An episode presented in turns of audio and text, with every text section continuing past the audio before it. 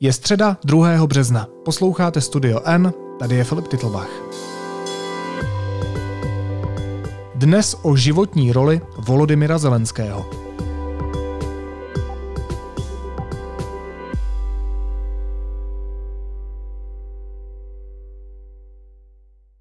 Це вже за межею людяності. Такий ракетний удар свідчить, що для багатьох людей в Росії наш Київ абсолютно чужий. Вони нічого не знають про нашу столицю, про нашу історію. Але у них є наказ стерти нашу історію, стерти нашу країну, стерти нас усіх. Ruský diktátor Vladimír Putin stvořil tvrdou agresí vůči svému západnímu sousedovi nového hrdinu. Z ukrajinského prezidenta Volodymyra Zelenského se stal přes noc respektovaný lídr a válečný vůdce. Ukradl Zelenský Putinovi roli, kterou si přál mít on sám? Hostem podcastu je reportérka deníku N Petra Procházková. Petro, vítej, ahoj. Ahoj, hezký den.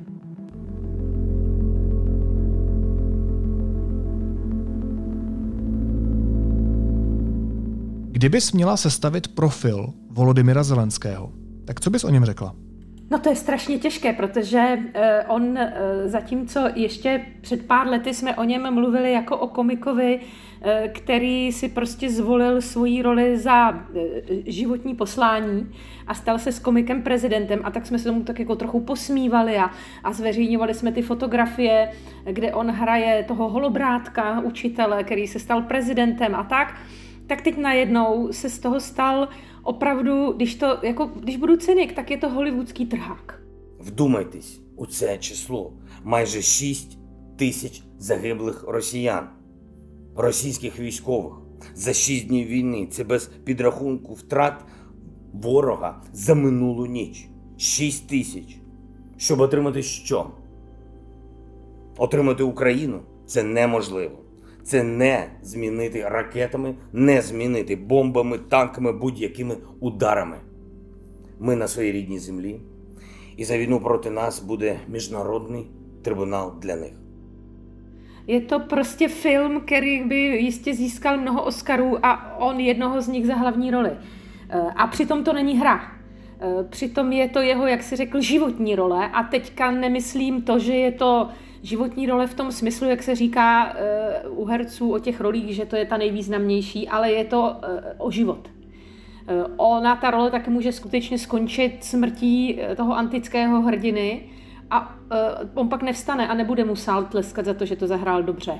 On prostě bude mrtvej. Takže v tomto směru, a to si pan prezident Zelenský velmi dobře uvědomuje, takže e, když já si představím, že s vědomím tohoto ohrožení sebe i své rodiny, svých blízkých, své země, kterou mi někdo svěřil do rukou, e, hraju nějakou roli, tak je to opravdu ten nejvyšší level. Protože já to úplně nehraju, já to žiju. Víš, co ale platí u těch antických hrdinů? Pokud antický hrdina zemře, tak je přece nesmrtelný. On už je nesmrtelný. Pan prezident Zelenský si svoji nesmrtelnost zajistil především tím, e, jak se chová. A řekla bych, že ten nejvýraznější rys, který on projevuje, je statečnost.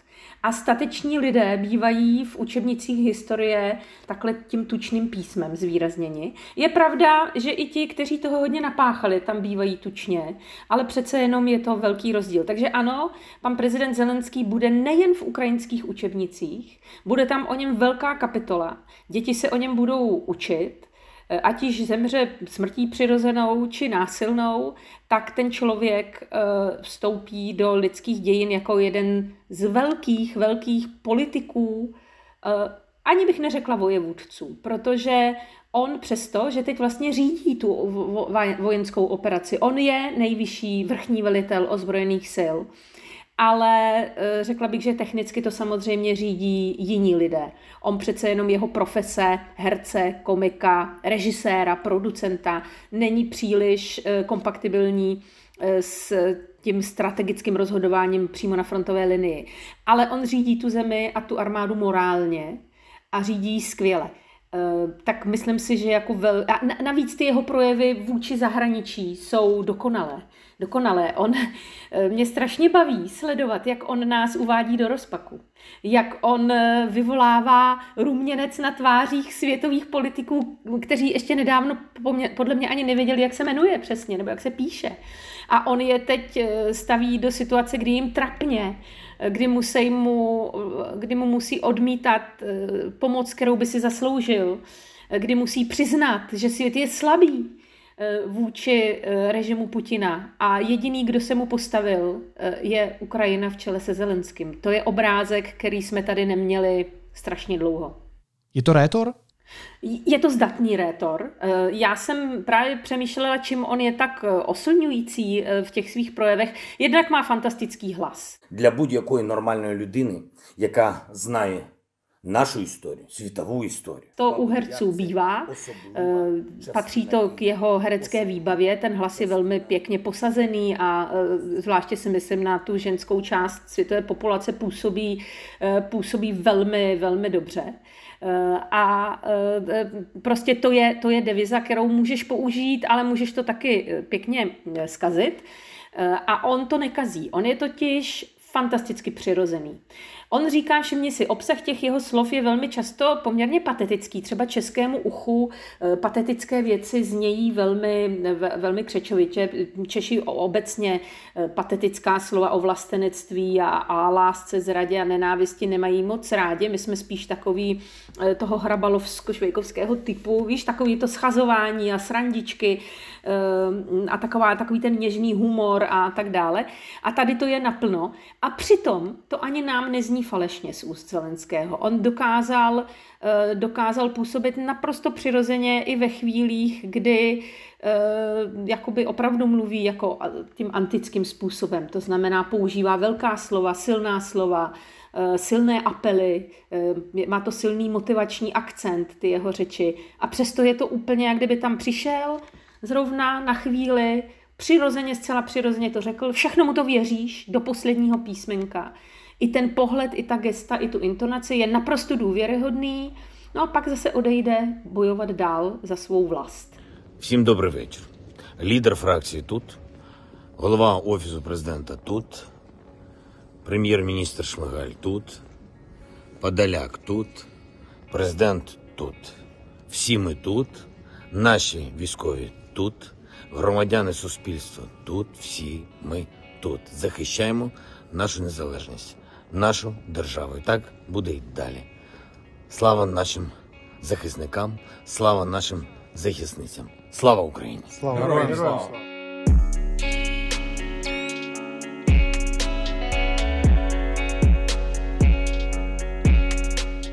tak eh, to je něco, co se málo komu povede. Asi je to možná i to herecké nadání, ale musí to být i ta situace. Eh, on, on v té situaci je, tak eh, je z toho cítit, že si to prostě nevymýšlí, že to není na pódiu. Pojďme si srovnat oba dva pány, kteří určitě budou v těch učebnicích napsání tučně. Eh, každý asi v jiném světle. Jaký je rozdíl mezi ním, tedy Volodymyrem Zelenským, a Vladimírem Putinem? Tak především, ty jsi to řekl krásně na začátku, Zelenský ukradl tu roli, na kterou si brousil zuby Vladimír Putin, tak mu ji sebral před nosem a eh, pokud se pan prezident Putin ještě dívá na světová média, věřím tomu, že ano, tak on v nich jeden čas byl za hvězdu. Jo? Sice, sice se ho tak jako taky všichni báli a byl to ten trošku diktátor, ale stáli k němu řady eh, frontu mm, světoví novináři a všichni od něj chtěli rozhovor a, a když se k němu dostali, tak byli pokorní a on prostě házel ty své bonmoty a, a tak trošku si ze světa dělal legraci a byl hvězdou světových médií. Putin rozhodně ano. Tak teď je hvězdou světových médií Zelenský. A to v naprosto jiné roli, v mnohem lepší, svět ho obdivuje a miluje. A e, Putin razil, víš, takovou, e, takové ruské pořekadlo, dobře, když nás nemají rádi, ať se nás alespoň bojí. A Putina bavila tahle póza, jakože straší trochu svět a tak. A bavilo ho, že k němu vzhlížejí e, mnozí, jako i světoví herci, Gerard Depardieu má ruský pás a on měl přátelé tady v těch kruzích různých, eh, eh, jak si mezi celebritami. A to je najednou všechno pryč. Protože on se nejen ukázal jako člověk, který, eh, který je tedy jaksi morálně zcela zcela neakceptovatelný. Ale to, to by mu nevadilo. Jemu, jemu ta psí hlava toho zlořáda světového nevadí. Jemu vadí, že se o něm teď píše jako o člověku, který se zmílil, který se spletl, který nezvládl situaci, který je nervózní, eh, který neví, jak dál. A to se k němu dozajista doneslo. Zatímco ten druhý člověk, eh, mimochodem vzrůstem stejně velký jako on, to u Putina hrálo vždycky roli, on nesnášel lidi, kteří byli větší než on. A tady se mu najednou postavil muž stejně jaksi nevelký vzrůstem, ale obrovský duchem. A on je ve velmi těžké situaci, pan Zelenský. On je vlastně obklíčený a, a létají mu nad hlavami ruské rakety a musí se cítit hrozně, ani nevím, kde je jeho rodina, ale prostě celé to je velmi stresující. A najednou on vystupuje tak, jako vždycky chtěl vypadat Putin. Statečně, sebejistě, eh, jako člověk, který se opravdu ničeho nebojí je to, je to opravdu hrdina. Je to, to, to slovo, ač my ho taky používáme velmi neradi, tak tady sedí. On se opravdu, opravdu nebojí.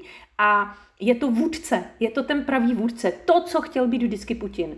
Obdivovaný vůdce hrdina. Tak teď jim není. Je člověkem, který zavedl svůj národ do války. Část toho národa už mu to začíná říkat. Ruská inteligence se opatrně začíná ozývat. Eh, svět se od něj odvrátil, jeho spojenci zůstali lidé jako nebo státy jako Venezuela, Irán a Severní Korea, to taky není úplně nic moc. A zbytek světa se semknul, mimo jiné kolem pana Zelenského.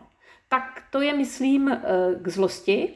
A protože pan prezident Putin zcela jistě je člověk vsteklý, to o něm víme, tak má teď velký vztek. A to považuji za poměrně nebezpečný stav v jeho případě, protože vsteklí lidé, vsteklí malí lídři eh, činí často nepředvídatelné kroky, chovají se eh, naprosto neadekvátně situaci, zvláště když o té situaci mají mají špatné informace, což je mimochodem ještě docela další markantní rozdíl, který můžeš pozorovat, že Zelenský zcela jednoznačně vládne správnými informacemi. Ví, co se děje na frontě, ví, co se děje ve světě, udržuje kontakt se světovými lídry, online se účastní různých zasedání, zvedá ze, židel, eh, ze židlí Eh, prostě parlament svět, eh, evropský. Eh, on má kontakt s realitou, má kontakt i s lidmi, kteří bojují na frontě. Putin je někde zalezlý, nepouští k sobě vůbec nikoho a když tak na 10-15 metrů, ani ne, možná ještě dál, a ocitá se ve stále větší izolaci. A je to na něm vidět. Na člověku, který ztrácí kontakt s realitou, to vidíš, jak vypadá, jak se chová, jaká má gesta, jak je nervózní, jak je osamělý a opuštěný. No my se mu smějeme, že je to ten malý vsteklý vůdce, který sedí za tím šestimetrovým stolem, jeho nejbližší spolupracovníci sedí strašně daleko od něj, ale jako nebudeme se divit. Uh, no, samozřejmě ty narážíš na to, že i uh, tento, tento muž, kterému se můžeme smát a který, kdyby to bylo ve filmu, tak je opravdu to směšný, směšný chlapíček, uh, který svou kariéru zářnou končí v roli, kterou se určitě nepřál, ale ano, tak je to člověk, který je vrchním velitelem asi druhé největší armády světa, má pod sebou i to jaderné tlačítko, Eh, začal nám jím vyhrožovat. Čím více se mu posmíváme a čím více ho zaháníme do kouta, tak tím je vsteklejší a chce nám ukázat, že eh, prostě tady diriguje on ten orchestr a nikoli my, nebo nakonec Zelenský. No, je otázka, eh, k čemu je odhodlán. Mě ani, víš, ani mě nepřekvapuje to, jak se chová teď Putin. To, to bych očekávala. Eh, vlastně na tom není nic nečekaného. Eh, to je jeho charakter a mm, ta situace odpovídá tomu, nebo to chování odpovídá té situaci. Co mě překvapuje, je, že jeho okolí stále ještě natolik s ním drží basu, že Eh, já samozřejmě jsem nečekala, že eh, se okamžitě lidé, jako je minister zahraničí Lavrov, nebo minister obrany Šojgu, nebo šéf rozvědky Nariškin, že se najednou postaví a vzepřou a přestanou plnit eh, jeho příkazy. To vůbec ne. ale nečekala jsem až takovou aktivní účast v tom divadelním představení. Například bývalý prezident Medvěděv, který je teď zástupcem šéfa Bezpečnostní rady Ruska, který byl úplně někde upozadněn v posledních letech, tak najednou patří mezi ty nejhlasitější, nejaktivnější jestřáby, který třeba vyhrožoval, vyhrožoval včera Francii válkou. Eh, on je vlastně v některých výrocích ještě, jak si bych řekla, extravagantnější než Putin. Eh, to mě překvapuje, že celý ten tým, což není jeden člověk, nejsou to ani tři lidé, dejme tomu, že to je 10-15 lidí, že celý ten tým eh, že nikdo z nich, nebo pokud víme, nemáme zatím takové zprávy, nikdo z nich zatím veřejně nevystoupil Eh, z té, z té šílenosti, kterou provádějí. Není tam nikdo, kdo by řekl, zastavme to, Není tam nikdo, kdo by třeba utekl, kdo by třeba utekl do zahraničí, prostě tak to bývá, když cítíš, že koráb se potápí a že už se určitě potopí, ať to bude zítra nebo za měsíc, tak se snažíš někam odplavat. Ale zatím nemáme nikoho takového ani zprávy, že by to někdo udělal. Tak to mě trochu zaráží. Co teď bude muset Putin, vzhledem k tomu, nakolik je oblíbený a nakolik je respektovaný eh, pan Zelenský, co teď bude muset Putin dělat? Nemusí se prostě toho Zelenského doslova fyzicky zbavit? A ta otázka je na místě vzhledem k tomu, jak se Putin dokáže zbavovat svých eh, politických oponentů, to víme. Eh, určitě pro pana Putina by bylo nejlepší, kdyby Zelenský nebyl, kdyby neexistoval. Problém je, že on už je a že už tu stopu v historii udělal. A ty můžeš zlikvidovat člověka, ale tu stopu ne. A e, v Rusku se vždycky říká, že mm, samozřejmě je snadné člověka fyzicky zlikvidovat, zabít ho, ale taky s tím z něj vytváříš modlu. Vytváříš z něj symbol, který pak les kdy i předčí e, ten jeho význam, který měl za života. A e, velmi často se kolem takovýchto symbolů dlouho nežijících potom ty národy stmelují. A mm, e, to e, Putin ví. O tom se v Rusku často mluví, ne v souvislosti se Zelenským, ale i s jinými lidmi. Prostě zabíjet slavné, známé oponenty je nebezpečné. E, on to mnohokrát se to v Rusku stalo, zabit byl Němcov, zabit, zabiti byli jiní lidé, ale Tady si myslím, že to zvažují a že mnohem lepší by pro Rusko bylo Zelenského nějak dostat, prostě ho Eh, nějak eliminovat, ponížit, eh, donutit ho ke kapitulaci, zatknout ho, donutit ho říkat věci, které by říkat nechtěl. Prostě mu provést něco, co by bylo horší, než ta samotná fyzická likvidace. Třeba ho donutit k emigraci a vykládat o něm potom na Ukrajině, že se vzdal, že si utekl na nějaké jachty a podobně, šířit o něm prostě různé takovéhle zprávy. Eh, to by samozřejmě pro ten Putinův plán, který má, Eh, bylo mnohem příhodnější.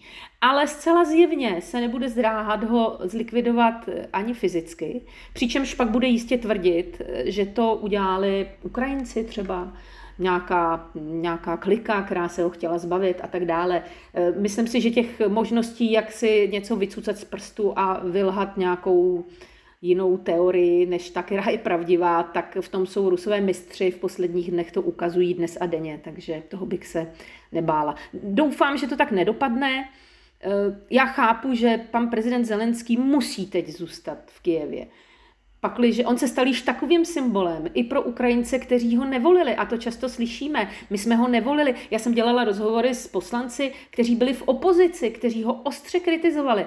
Jakmile jsem se zeptala, jak jsou spokojeni se Zelenským, tak mi všichni odpovídali. To nebudeme teď hodnotit. Teď je to náš vrchní velitel, on velí a my plníme jeho příkazy a se vším souhlasíme. Se vším souhlasíme. Teď není čas na nějaké prostě politikaření. On má obrovský respekt a uh, myslím si, že jeho přítomnost v Kijevě a to, jak on neustále prostě hovoří, vychází na ulici, že to je strašně důležité jak pro politiky ukrajinské, tak pro tu armádu, ale i pro obyčejné lidi. Oni vědí, že pořád mají ještě prezidenta. To musí pana prezidenta Putina nesmírně iritovat, nesmírně štvát, protože ten rozdíl, když si vedle sebe postavíš to video, jak je Zelenský v zeleném tričku v centru Kijeva, usmívá se a říká dobré ránko Ukrajinci, a pak tam máš tu fotku uh, úplně zeleného, opuchlého Putina za stolem, za kterým na druhém konci daleko sedí uh, Šojgu s Lavrovem. no tak nemusíš vůbec nic říkat. Ty fotky nemusí mít popisky a je ti jasné, jak je ten svět teď rozdělen. No, zdá se, že za Ukrajinou stojí přinejmenším celý západní svět a také i další státy. Ta symbolická podpora je pro mě třeba úplně naprosto ohromující. Vem si, že probíhají charitativní akce, eh, lidi posílají ohromné částky, vyvěšují modrožluté vlajky, dobrovolníci jezdí pomáhat na hranice, státy posílají na Ukrajinu zbraně, humanitární pomoc. Ehm, peníze, i když tady je samozřejmě potřeba říct, že Ukrajina by si přála spíš jinou pomoc, aby v tom ozbrojeném konfliktu nestála proti Rusku úplně sama. Ale u těch symbolických věcí je ta podpora naprosto patrná. Třeba ukrajinskou hymnu já jsem za poslední týden slyšel tak stokrát, naposledy jsem viděl třeba úžasný provedení v New Yorkské metropolitní opeře.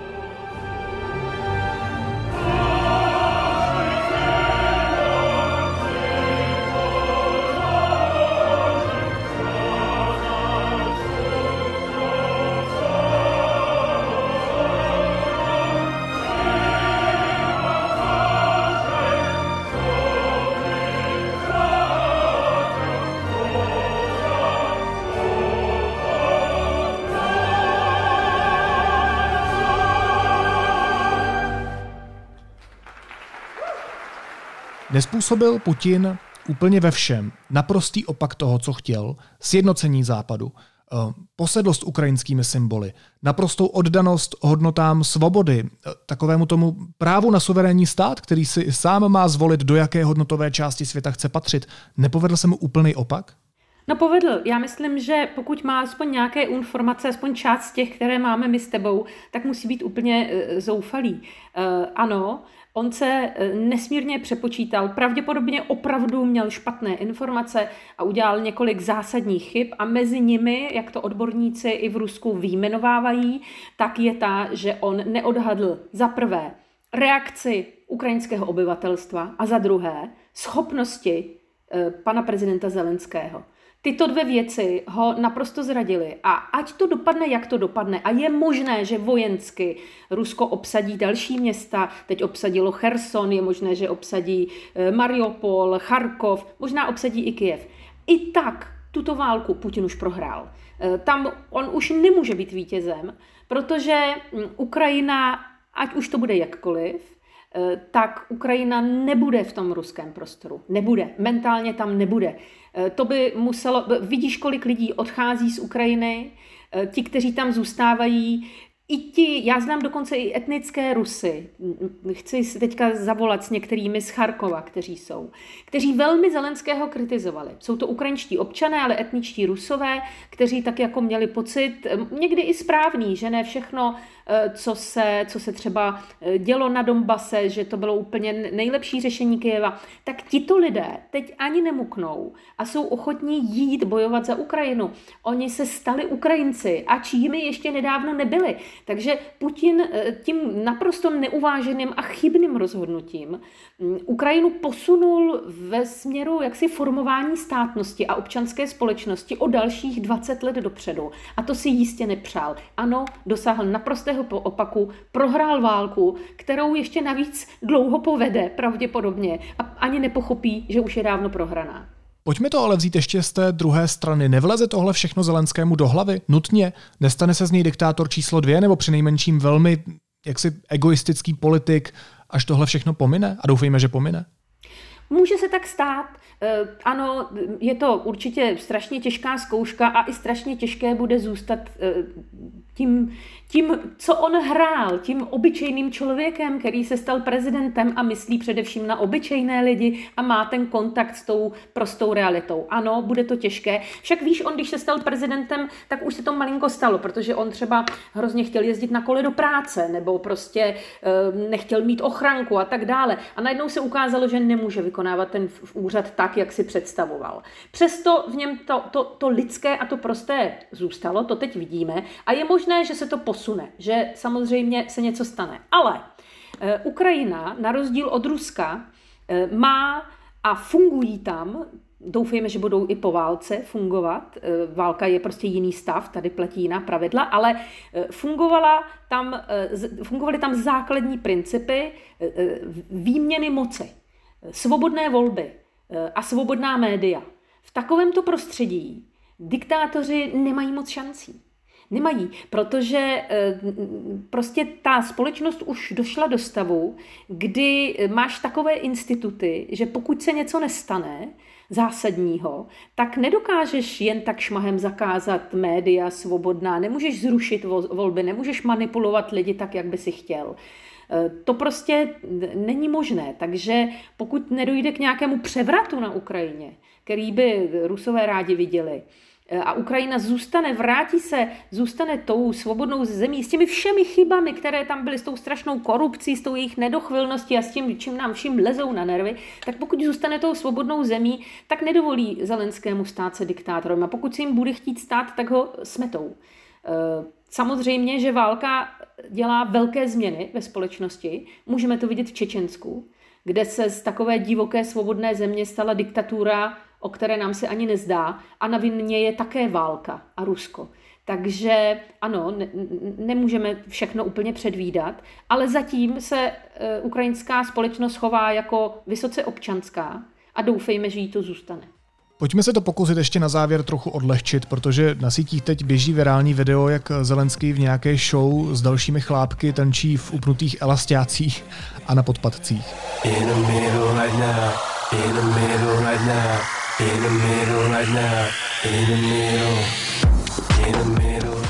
Já si neumím představit větší kontrast mezi tímhle obrazem na straně jedné a obrazem Putina bez trika, ve vojenských maskáčích, jak jezdí na koni. Jeden komik, druhý prostě jenom směšný. Přesně tak. A tam vidíš ten zásadní rozdíl. Zelenský si umí za sebe dělat legraci. Eh, a dokáže dělat i takové věci, které si teď popsal. Nejdůležitější na tom je, že Putin, když jede do půl těla, eh, tam někde na koni, nebo se potápí pro amfory, nebo létá jako eh, pták v čel, na rogalu v čele nějakého hejna, tak on to myslí vážně. On si ze sebe legraci nedělá.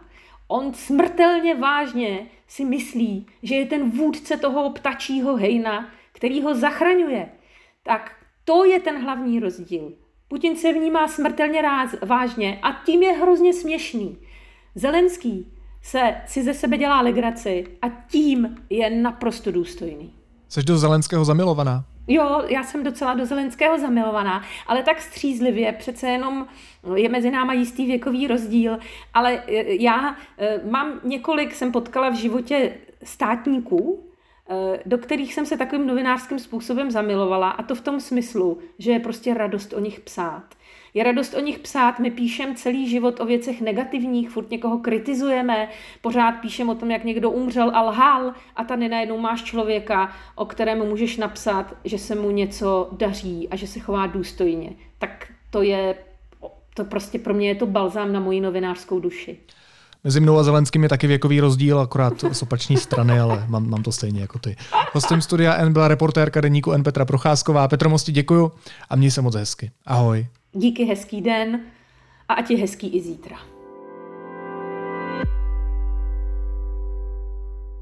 A teď už jsou na řadě zprávy, které by vás dneska neměly minout. Nejméně dva lidé zemřeli při leteckém úderu v ukrajinském Žitomiru. V Charkově se stále vedou boje. V noci čelil ruským parašutistickým výsadkům. Při úterních raketových útocích zemřeli i civilisté. A terčem ruského útoku se v úterý večer stala i televizní věž v Kijevě. Zasáhla ji raketa a při útoku zemřelo šest lidí. Výbuch poškodil i okolní budovy. Ruská společnost Sberbank odchází z Evropy. Největší ruská banka to odůvodnila velkým odlivem hotovosti z ceřiných firm a ohrožením bezpečnosti zaměstnanců a majetku. Ruskou invazi na Ukrajinu ve vyjádření nezmínila. Britský premiér Boris Johnson věří, že činy Putinova režimu na Ukrajině lze plně označit za válečný zločin. Řekl to v parlamentu.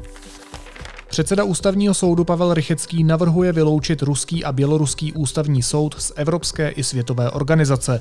Důvodem je ruský vpád na Ukrajinu, na kterém má podíl i Bělorusko. A Spojené státy uzavřou pro Rusko svůj vzdušný prostor. Připojí se tak k evropským zemím a Kanadě, které ruským letadlům znemožnili létat nad svým územím v minulých dnech. Američané se zákazem dosud otáleli, ale Volodymyr Zelenský o to přímo žádal Joea Bidena.